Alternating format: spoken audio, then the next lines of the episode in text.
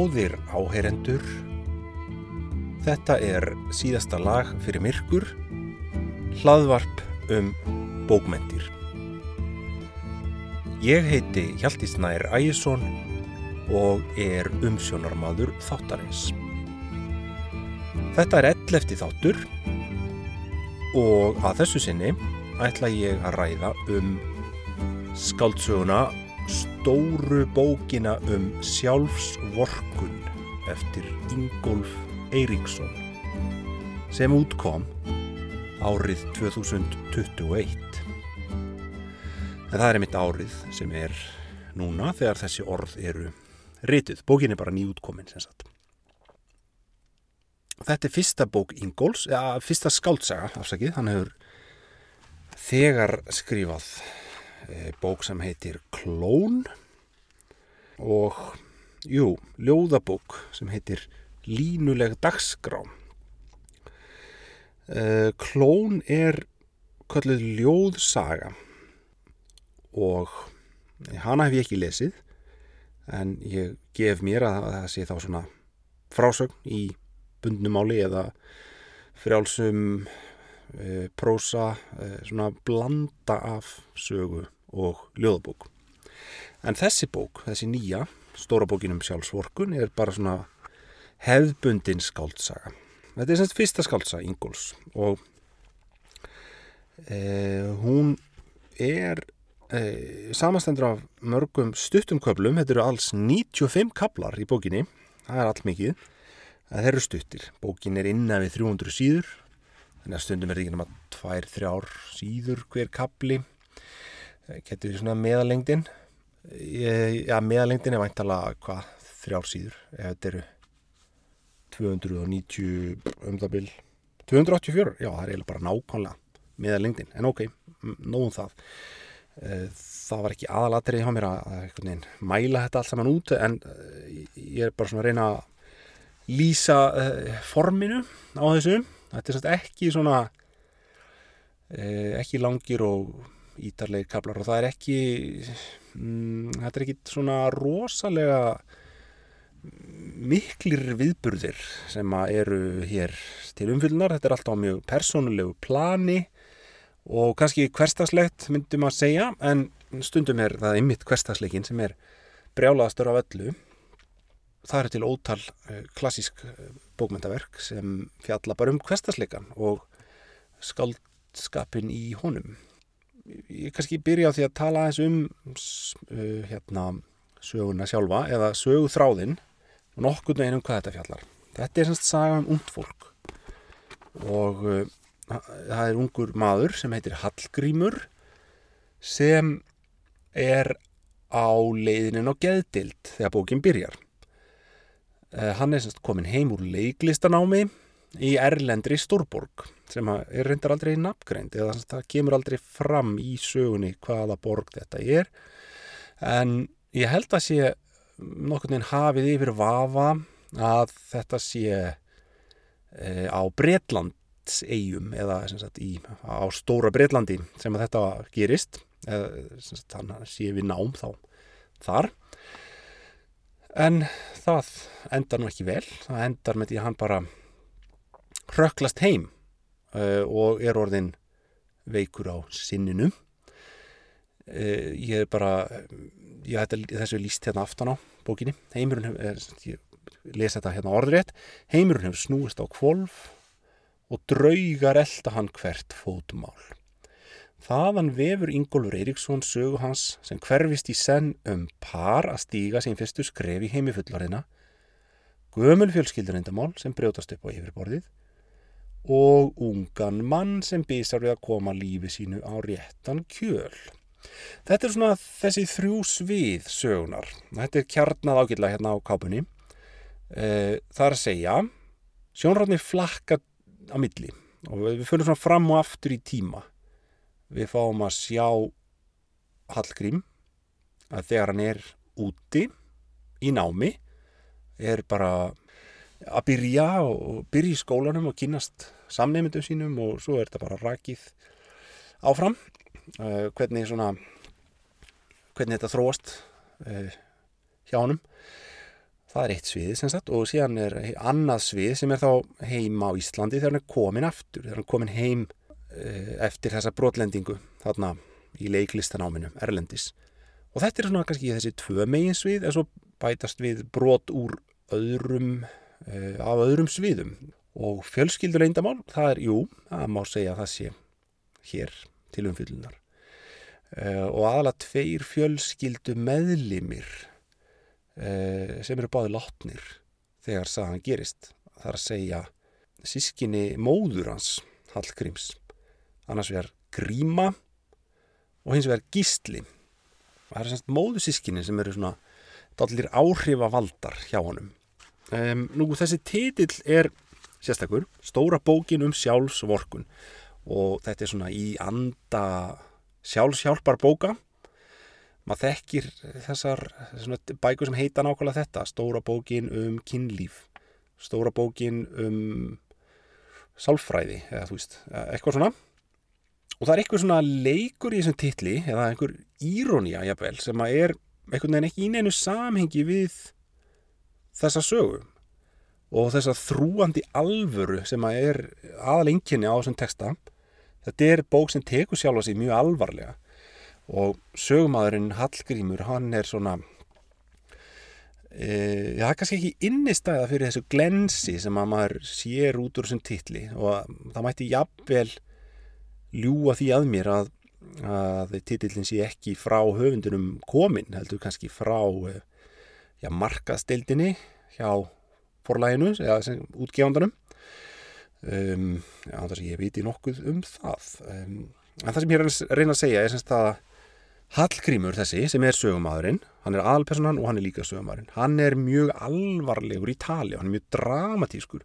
Hann lýsir veikindum sínum sem eru já bara mjög þetta er bara mjög svona mjög alvarlegt. Þetta er ekki, hann hefur enga svona íroníska fjarlægð á á þetta. Eh, þetta er ekki sögumar eins og fólk kannski þekkir úr bókum Nick Hornby til dæmis það sem að er verið að lýsa sambandslitum og alls konar svona erfiðum að, atbyrðum úr enga lífinu en sögumarinn hefur gjarnan um, eitthvað húmor svona undir niðri. Það er svona húmor í bland við alvörum Eh, það er, ekki, ekkit mikið um húmor hér. Ekki svona, ég meina það er einhverju brandarar í máli sögupersona en sögumadurinn sjálfur er voðalega alvarlegur og það er þetta verður bara næstu svona ég segi ekki að þetta er tilgeralegt á köplum en það eru það eru svona eins og í lókkabla koma svona um, punktar náttúrstemmingar eða lýsingar á, e, á hugarflugi, e, upprifjanir á gamlu minningum og allt svona voðala alvarlegt. Ég tek dæmi. Andardráttur aðalheiðar er hraður og grunnur. Hún getur ekki sopnað. Ég færi mig þétt upp að henni. Reyni að veita henni örgistilfinningu. Manneskjan undir verndarvængum mínum tekur að skjálfa. Það heyrist varla í nóttinni. Kjökrið sem ætlað er kottanum. Tár sem þorna í morgunsólinni.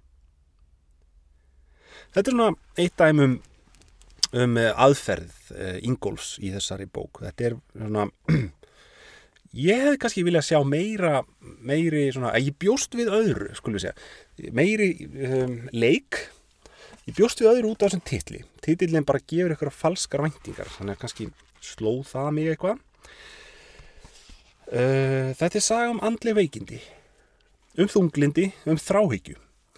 Og þetta eru andli veikindi sem kvikna í kjölfar álags í ná, við nám. En uh, þau eru sjáanlega grundvölduð á einhverjum svona arfgengum þáttum. Það er einhver geðveila í ættinni. Og þar koma þessi móður sískinni Hallgríms emitt við sögum.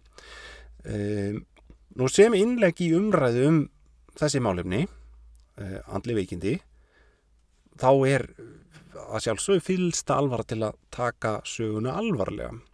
Þó að hún sé ekki pólitísk kannski, það er ekki svona, já, ef við byrjum þetta sama við þekktustu söguna í íslenskum bókmyndum sem fjallar um geðveilu, Engla Alheimsins eftir Einar Má Guðmundsson. Eh, þar er úrraðaleysi samfélagsins kannski sem að er stór hluti af umfyllinni og einhver svona eh, einhver pólitík í því. Eh, einhver brottur. Og það er ekki til umfyllunar hér. Það er ekki verið að benda á það hversu ítla samfélagi standi til að taka á þessum málum.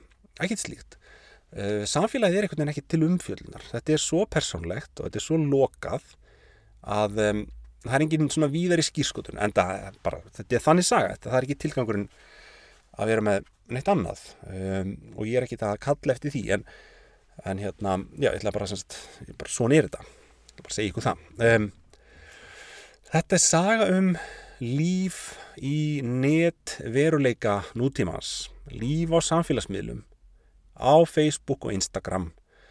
Uh, samanber hönnun kápu þar að segja bókarkápan er sett upp eins og eitthvað tölvuskjár Facebook spjall eða kommentakerfi og það er stór þáttur í, í sögunni, það er ekki umfjölnar efni beinlínis en það er svona uh, já kannski að því að þetta er ungt fólk þá er það bara sá raunveruleiki sem blasir við uh, í samtímanum, þetta er ju samtíma saga að fólk er alltaf á netinu uh, og er bara einmitt ímsi komplexar ansmennst í sem er að gerast um, einhver er að læka hitt eða þetta eða segja eitthvað á netinu og svo framvegis. Þetta er svona bara eins og við þekkjum öll um, þetta er ekki þunga miðja sögunar eins og ég segi en þetta er, kemur tölvert við sög og fyrir þá sem eru fyrir þá lesendur sem eru svona ekki alveg inn í þessum miðlum þá er það svona kannski vafa mál hversu áhugavert þetta er.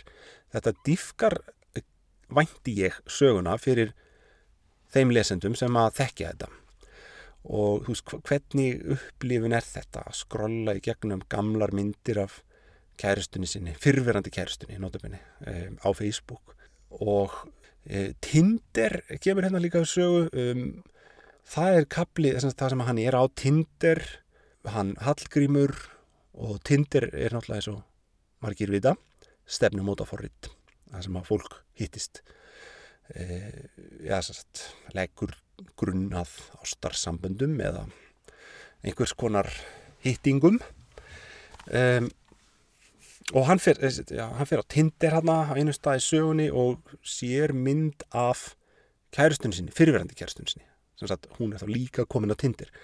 Um, og það kemur hann dramatísk lýsing á því þegar hann svæpar til hægri eða vinstri, ég man ekki hvort það er. Um, það er að segja að maður svæpar í, í aðra áttina til að hafna partnernum eða samþykja, þetta er eitthvað svona það að skrifa svona þryggja til fjóra blað sína kabla um þetta finnst mér bara ekki áhugavert. Nei, kannski, kannski vegna þess að ég er ekki alveg svona inn í uh, eða mér finnst uh, þessir miðlar bara ekki það uh, djúb tjáning eða sín á veruleikan að ég nenni að lesa prentarbækur um þetta þó að þeir móti nú auðvitað líf mitt eins og flestra annara bara í, með tilvist sinni. Hann afvinar fyrirverandi kæristuna sína líka á Facebook eftir að þau eru hætt saman.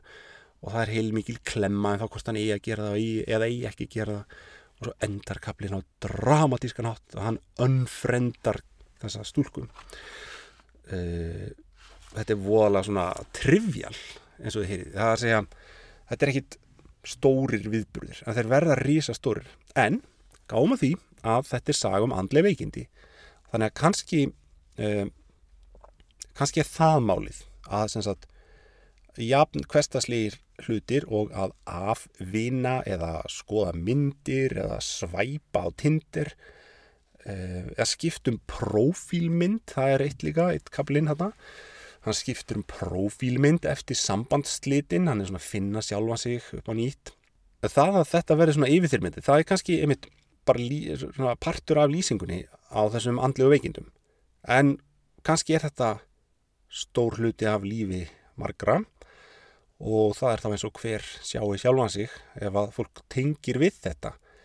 Um, Ingólfur er ekki að breytika að neitt, hann bara lætur þetta standa svona og það er bara opið hvort þetta, allir þessi kaplar eru partur af veikindasögunni eða hvort þetta er bara líf ungs fólks í dag uh, að einhver leiti finnst mér eins og þessi bók hefði geta verið bara unglingabók uh, en þó það er kannski aðeins og flókin fléttan í henni til þess að það geti gengið En það er þó mikið, mikið af einhverju svona og það er líka mikið um dægur menningu sem að ég tengi bara ekkit við og það er bara því að, sennilega því að ég er eldri heldur en yngólfur.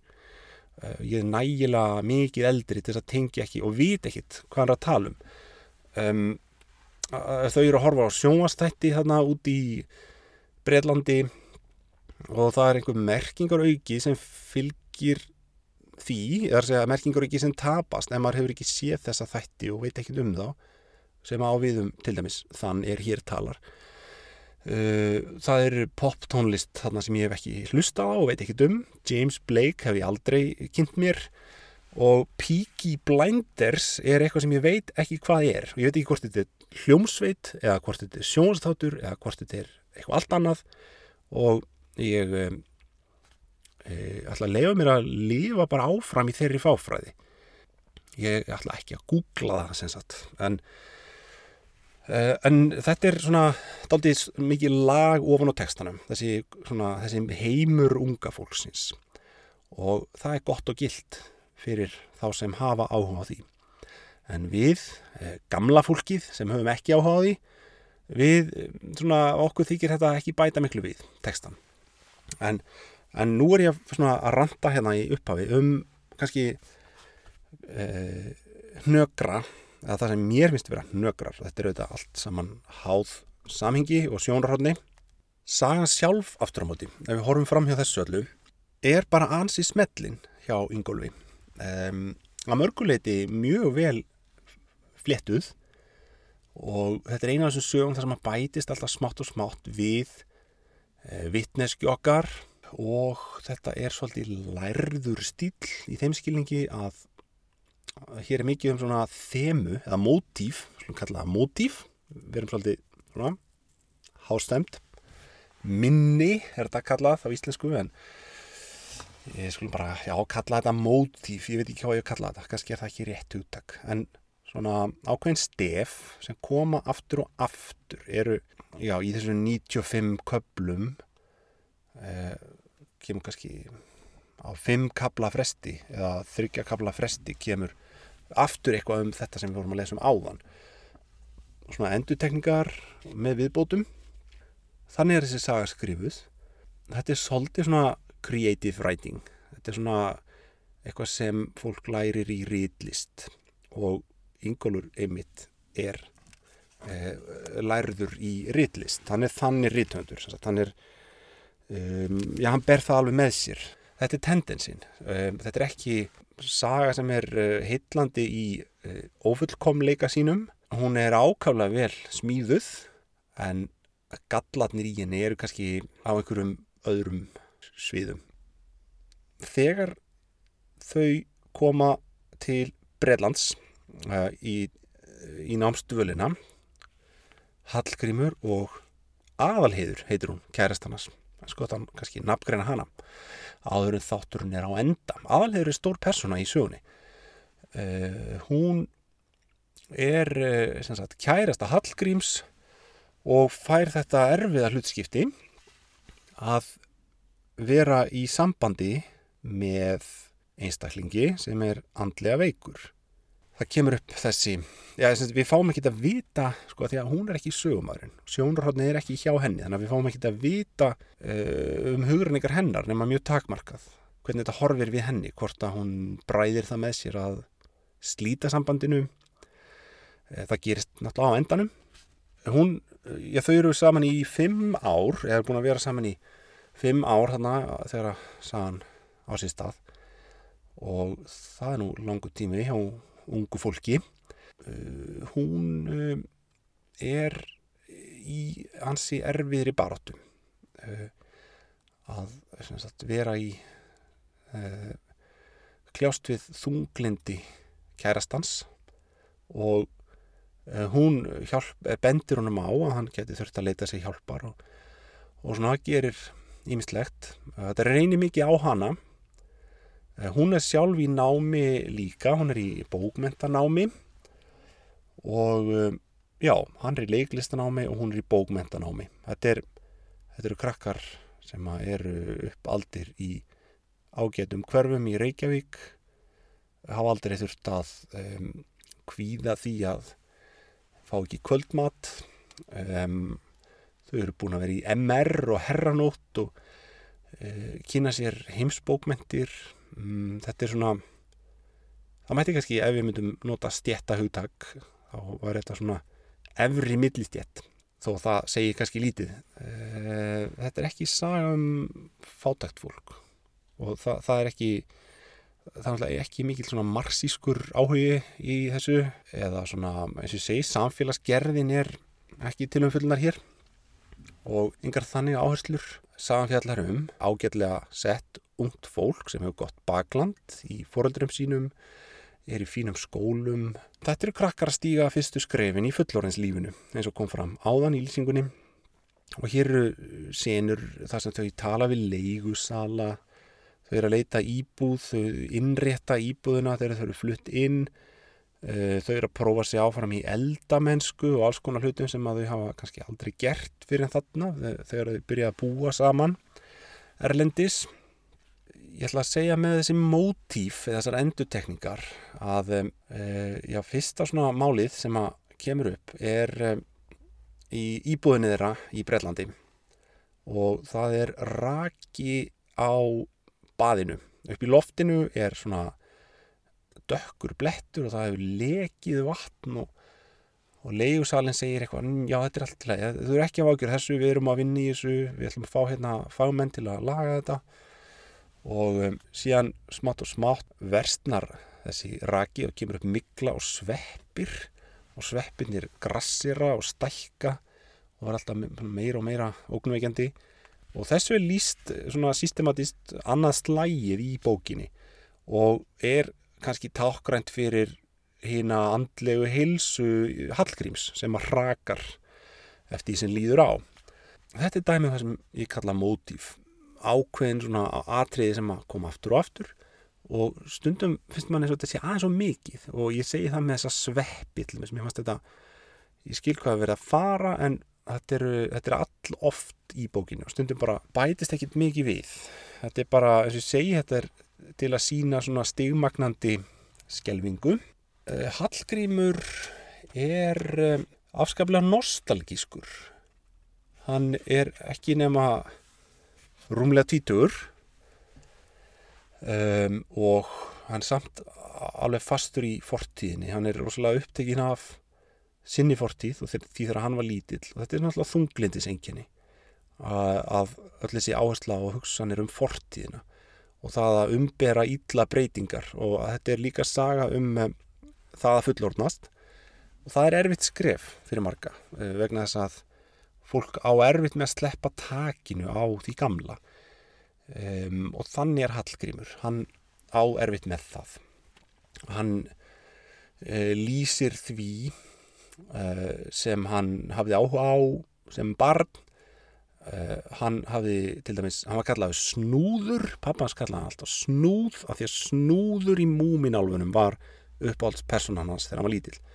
Og hann átti svona snúðsbúning og, og botla með myndar snúði og ýmislegt. Þannig að snúður er svona spilar þarna svolítið rullu og þetta er bara eitt dæmi og það eru fleiri.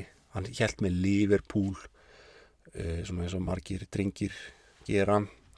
Sagt, það var upp á sliðans í hanska boltanum. Og þetta er svolítið aðtrið í sögunni. Hann hugsaður mikið um þetta hvernig mm, hann ágita varðveitt e, sinn kjarna frá bernsku en samt fullorðnast líka. Þetta er ekkit auðveld og þá er kannski rétt að ég fara að nefna þessi móðusískinni hans sem eru Gríma og Gísli. Gríma er ja, bara önnur aðalpersonan hún er uh, hliðstæð Hallgrími á mörguleiti hún var uppáhalds frænkans, hún er látin þegar sagan gerist. Það um, er ekki sagt frá því alveg strax hvernig hún dó. Til að byrja með vitum við ekki annað en að hún hafi dáið úr krabbamenni. Og það er sagan sem mammas Hallgrim segir alltaf. Og ammans líka. Og þau, svona gera þetta eins og spila þetta eins og einhverja rullu. Og það er áhugavert um, mjög merkilegt hérna í snemma í bókinni þegar þau eru í um, bókabúð. Þau Hallgrímur og aðalhegur eru þarna komið til Breitlands eru í nýju borginni og eru að skoða hérna, eitthvað flotta bókabúðir hérna í nákvæminu og þá best gríma í tal. Og uh, gríma var ritthöndur og hann segir uh, kæristunni sinni henni aðleiði frá því að gríma hafi búið þarna í borginni og skrifa alla sína bækur þar. Og hún verður fær þessa hugmynd og segir allir sér til eitthvað bókum eftir hann hér. En nei, það er ekki þannig. Og hennar bækur voru aldrei þýttar og þau spjalla hann eitthvað um grímu og það endar með því að talið berst að andláti hennar.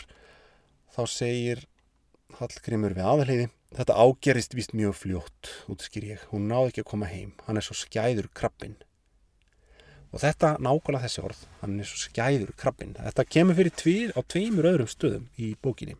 Mammas segir þetta við hann. Hún segir eins og við sjálfa sig. Já, hann er skæður krabbin og hitt sama gerir amman í fjölskyldubóði þar sem gríma berst í tal. Þetta er bara frasi sem fjölskyldan notar þegar gríma kemur við sögu og er rætt og hennar örlög staðrindin eftir á móti er svo að gríma fram til sjálfsmorð. Hún uh, kastaði sér fram af brú uh, í þessari borg þar sem hún bjó og þar sem Hallgrímur býr núna eða hann flytur þarna til að læra leiklist. Og uh, það er áhugaverð sena þarna líka þegar þau eru í MR og eru semst í Herranót eða leikfélaginu í MR og þar er sett á svið leikrit sem er uh, Mrs. Dalloway. Leikrit byggt á samnefndri skáldsögu eftir Virginia Woolf. Og það er daldið ábyrjandi texti í þessari sögu. Og Ingólfur er uh, daldið mikið í svona bókmentavísunum sem er náttúrulega mjög skemmtilegt. Hann er, hann er bæði því og í þessum popkultur sem ég var að nefna hann á hann og ég hafði engan áhuga en mér finnst mjög gaman að þessu. Er, þarna, er hann, þarna hittir hann í marki á mér.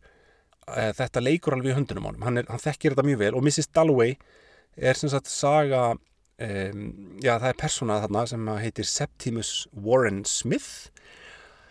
Og hann er uh, hermaður í, uh, sem að barðist í fyrir heimstyrjöld og er traumatiseraður, er með svona áfallastreituröskun og í sögunni þá uh, dreipur hann sig með því að kasta sér út um glugga og Hallgrímur sagt, í þessu, þessari leikrits þessari leikhús uppfæslu hjá leikfélaginu í MR leikur Septimus Warren Smith. Og um, hann uh, kastar sér þar leðandi út um gluggan í leikritinu. Og mamman er viðstöld horfir á þetta og hún svona triggerast eins og það er kallað í dag uh, eftir leiksýninguna þessi örlög Septimusar Warren Smith sem að Hallgrímur Sónrönna leikur kveikja hjá hann í minningar um grímu sýstrunar og þarna eh, hefur hún aldrei sagt Hallgrími frá uh, hinnu sanna sem er að, að gríma fram til sjálfsmórð og það er, það er upplýsingar eru geimdar þá frekar seint í sögunni en þetta er svona eitthvað sem liggur alveg í loftinu. Og þetta kemur ekki þetta óvart þegar að uh, afhjúpunin er gerð en það ekki kannski tilgangurinn með, með því að geima þetta. Þannig að flestir kannski búin að leggja saman 2 og 2 og Hallgrímur er mjög upptekinn af grímu frængusinni hann um, spilar ykkur að rullu í sínu lífi sem er mjög inspireruð af henni. Og til dæmis bara það að búa í sömu borg og velja, velja hana sem áfangastað. Það er nú aldrei rætt sérstaklega í sögunni. Hann talar ekkit um það. Um þá ákvörðun en það er staðrendin, hann fer og finnur húsið hennar. Hann að hann panta sér alltaf tvöfaldan viski með tveimur vastrópum þegar hann er á barnum. Um, það er eins og gríma, hún gerði það líka honum sárnar það hva, hversu glimt hún er. Bækur hennar eru glimtar það er fást ekki lengur í bókabúðum og valla á bókasöfnum. Það er bara uh, þetta er bara það þarf að grafa þetta upp í geimslum á þjóðabóklöfunni til að fá eintak. Geimslu 2 notabene sem er mjög, mjög skemmtilegt. Uh, skemmtilegt svona smáatrið hjá Ingólfi. Og já, svo ég fær aftur tilbaka með, í þessa senu þarna í bókabúðinni þar sem að þau eru aðalheiður og Hallgrimur þá er það, þar kemur það fram að sagt, hann, Hallgrimur á þeim tímapunkti veit að gríma fram til sjálfsmorð en hann segir samt við kæristunum sína að hún hafi fengið krabba minn heldur þeirri lígi á lífi og teku þátt í yfirhilmingunni og svona blekkingunni sem að fjölskyldan hefur uh, viðhaldið allan tíman það er svona já, í uppáði bókurnar og það er til margsum það hversu já, það er eitthvað, eitthvað sem þarf að laga, eitthvað sem þarf að gera upp.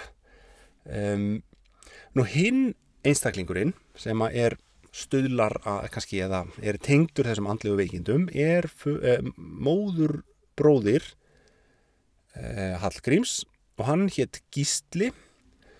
Og hann var líka veikur á geði en á annan hátt, það var ekki þunglindi og dreykjuskapur sem, sem hann þurfti að kljást við heldur einhvers konar þráhyggja eða áráttu hugsanir.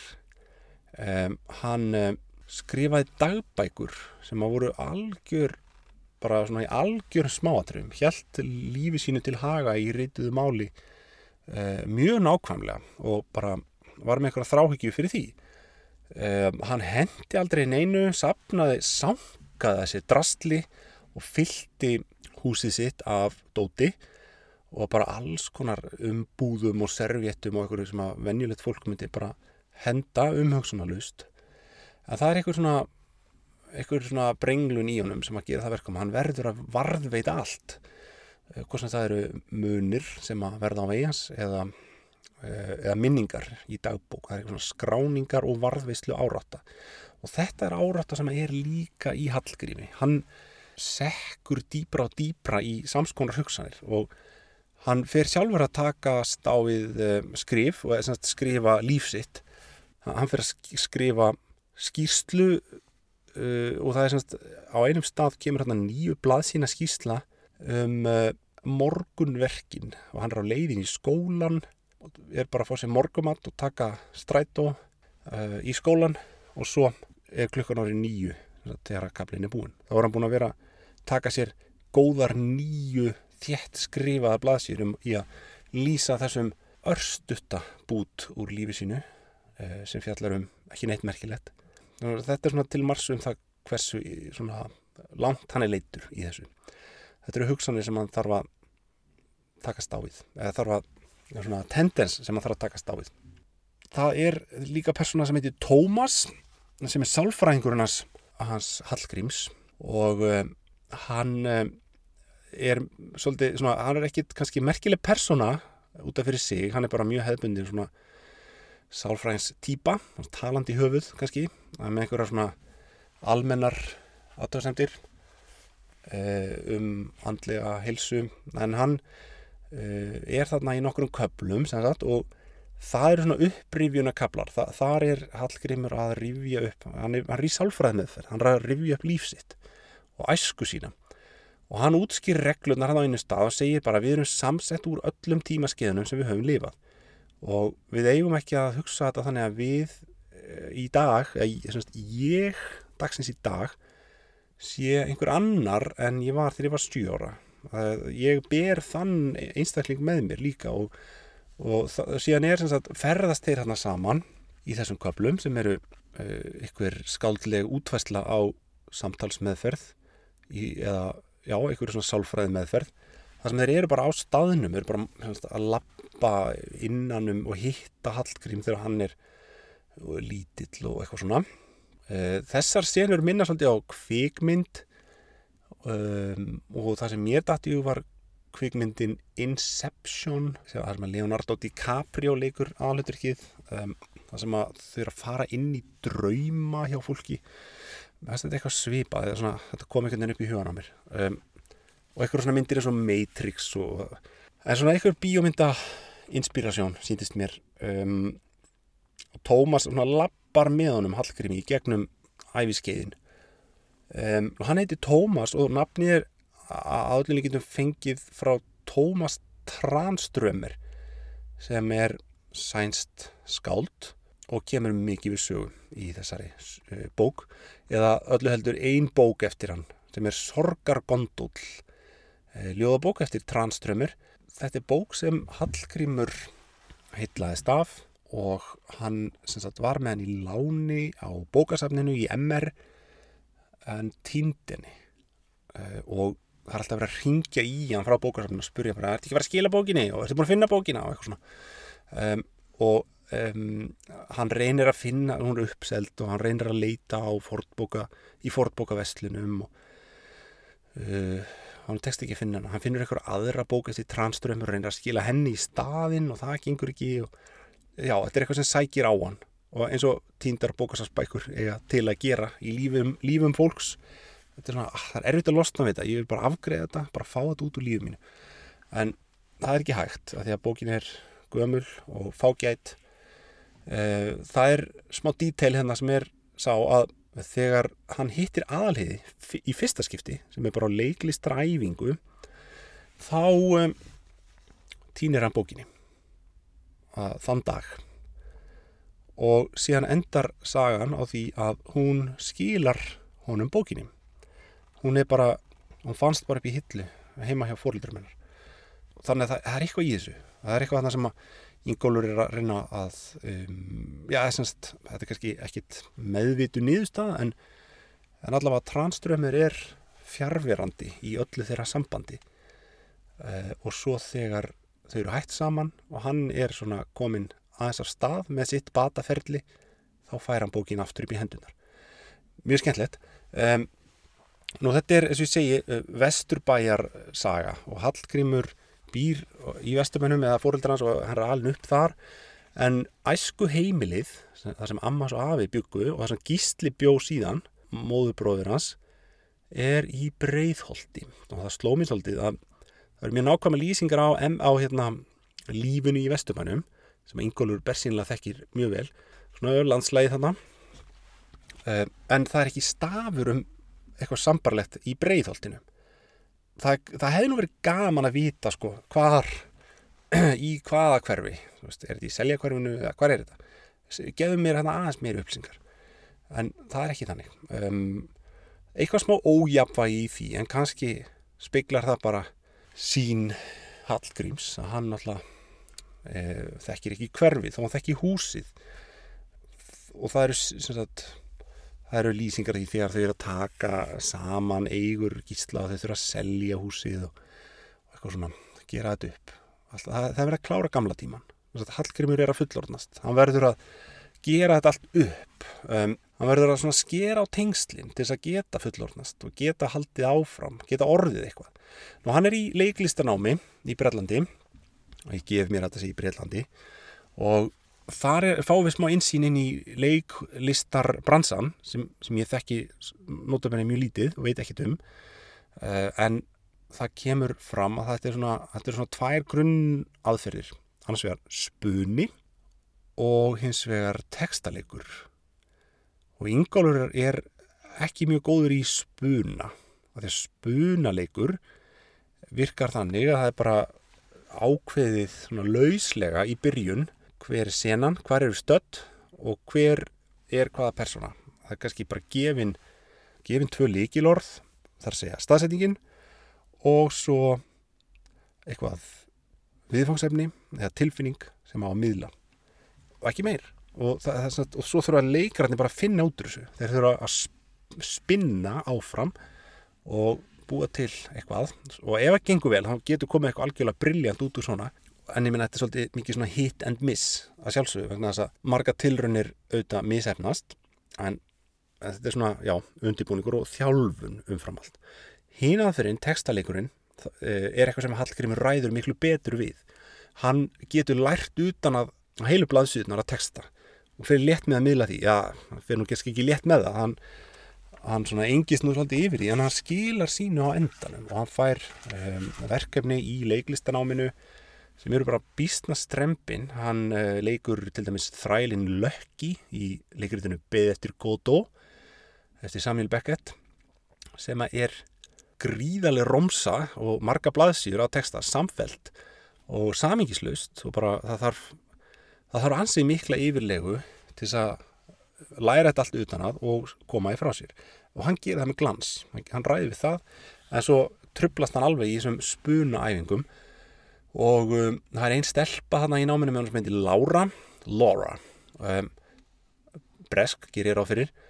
Og hann verður svona laumu skotin í henni fær eitthvað áhuga á henni. En hún er hennar tilgangur í sögunni kannski umfram allt að sína það hversu trublaður hann er orðin og það er eitthvað spun æfing þar sem að leikstjórin er að æsað upp og þetta er eitthvað Shakespeare hvort þetta er ekki, ég held sér bara Rómeo og Júlia og bara þið verðið að vera sexy og vera að sína eitthvað hérna smiðla hérna smá kynþokka og kynorku. Hafið svona eitthvað meira, meira kynlíf í þessu? Og hérna Hallgrimur á rosalega erfitt með þetta en Lára þau snertast einhvern veginn svolítið innilega á, þessum, á þessari síningu eða á þessari æfingu, þetta er bara æfing og hann algjörlega bílast og bara hleypur út og getur ekki meir. Um, þetta fannst mér þessi sena fannst mér verið svona markmiðið sem þessi persóna Lára stefnir að. Uh, hún er ekkit áhugaverða öðru leiti um, hún hefði þannig sem átt missa sín, hún bætir ekkit miklu við.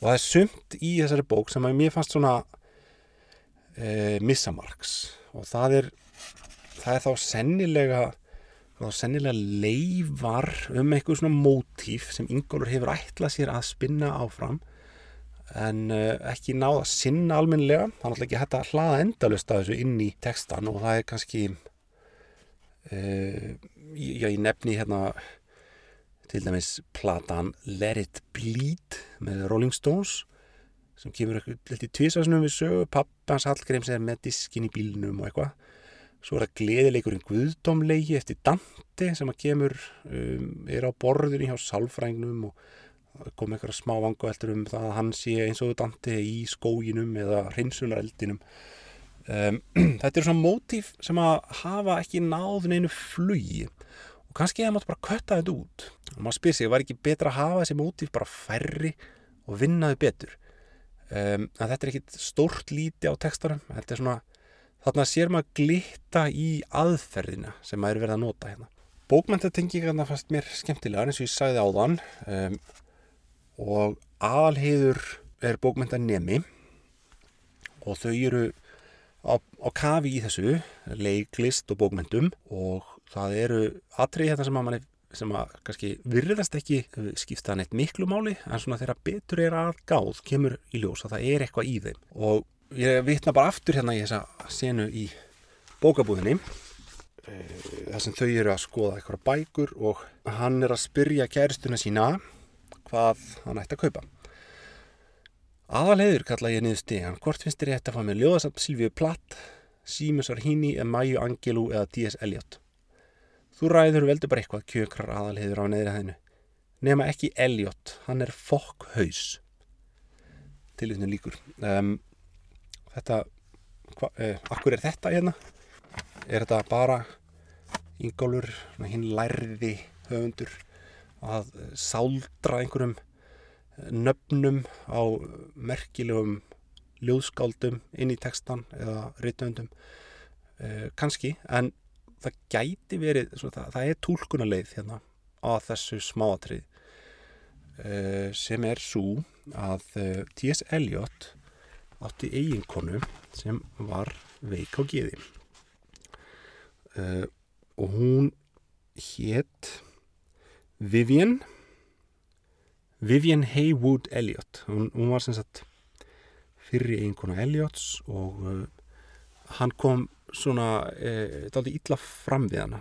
Syndi henni ekkert eftir að hún viktist og um, hún uh, var, var bara, já, lokuð inni eða vistuð á geðvegrahæli hann kom aldrei að heimsækjana þau voru ekki skilin þess að hann vildi ekki skilja við hana og þau voru þá gift allan hana tíma þó að það var ekkit samband á milli þeirra.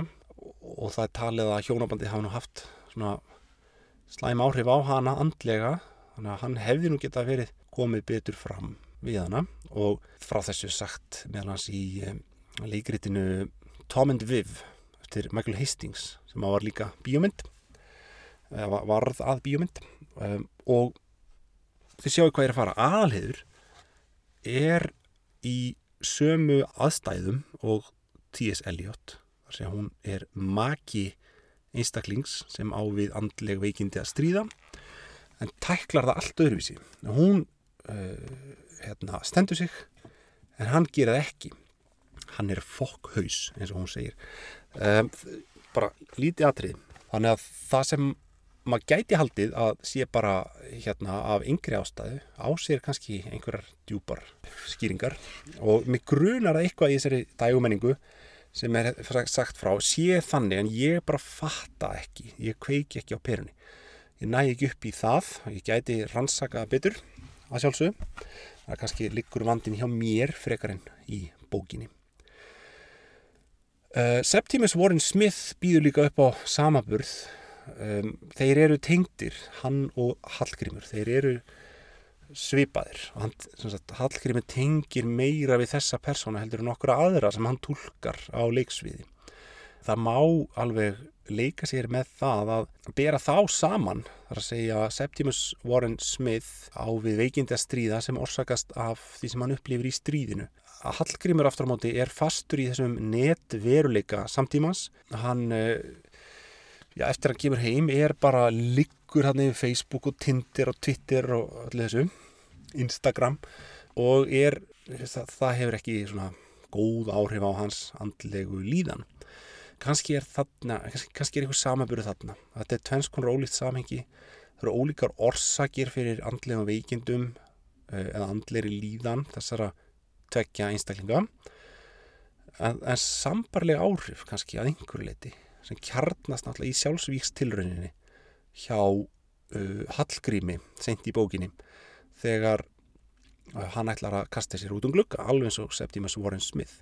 Það eru hundra ára á millið þeirra en samt eitthvað svipað. Nú, þið heyrið að það er margt það eru margi þræðir hérna í þessari bók og um, það er gaman að rekja þessa þræði. Þetta er mjög vandað hjá, hjá Ingólfi og hann hefur lagt vinnu í verkið, sínilega ég geti haldið áfram að rekja þetta en ég held að ég sem að snerta á svona helstu mótífunum. Það er e, það eru svona hnökrar hérna sem að eru félags kannski fyrst og næst í því að sumt er aðeins og langdreið mér fannst til dæmis um, þessar lýsingar á söknuði Hallgríms eftir tímanum með aðalegi þegar þau eru orðin e, aðskilin. Mér fannst það svona þú veist það hefði bara mátt stitta það aðeins gera aðeins nýtmiðara. Það var svolítið langdreið í lokin en samt það er einhver uh, þetta eru vel skrifaði kaplar og hann á leikur, þetta leikur stundum alveg í hundurum á honum uh, hjá honum Ingólu og, og textin er bara vel svona frágingin samtöl eru vel skrifuð samfærandi og já, nýðustan í bókinni, hver er hún? Þa, það er kannski líkil sena þarna alveg í lokin sem að er þegar að uh, þau eru saman inn í eldursi hann Hallgrímur og mammans og einhver vinkona mömmunar er í heimsókn og gríma best í tal. Og þá í fyrsta sinn sennilega bara fyrsta sinn nokkuð tíma játar mamman loksins að gríma hafi framið sjálfsmorð eða sem sagt segir bara að það hafi verið skýringin. Þessi hún er, ekki, hún er hægt að fela. Hún ætlar að bara feysa þetta. Og á sama augnabliki missir Hallgrímur kaffibóllansinn á gólfið og bollin brotnar. Þessi bolli er ekki hvaða bolli sem er á honum er mynd af snúði í múminálfunum þannig að þessi tveir atbyrðir þessi hjáttning mömmunar og þessi heiðarlega afgreðsla á fortíðinni eins og hún var í raun og veru hangir saman við augnablíkið þegar uh, þessi kærasti vinur Hallgríms úr bernsku hverfur í einhverjum skilningi, botlin brotnar snúður brotnar. Hann er að losna undan sinni fortíð uh, og mammas er kannski að gera það líka þegar hún er að sætta sig við hana. Þannig að það er svona, það er eitthvað von hérna í lokin. Maður trúir því einhvern veginn í lokin að þetta, eigi eftir að ganga betur. Hallgrímur er ákála ungur og uh, hann á framtíðana fyrir sér og því skildi hann ekki geta tekist á við sín vandamál. Það er ekkert sem bendi til annars. Um, já, þannig að þetta er svona gróflega lýsing á stóru bókinu um sjálfsvortum fyrstu skáldsögu Ingólfs Eiríkssonar. Og það er bara heilmikið spunnið í strákin held ég að megi segja, hann á eftir að gera eitthvað brilljant, Ingólfur. Þetta er uh, velunnið og vandað. Ég ætla bara að enda þetta á klísju og segja bara að það verður spennandi að fylgjast með Ingólfi Eiríksinni í framtíðin uh, mér finnst þau orð alveg eiga við hér. Já, ég held að þetta sé bara ágæðis uh, yfirferð, eða ég miskusti hef ekki meir um þetta að segja læt þetta duga að sinni. Og ég þakka þeim er hlítu verið sæl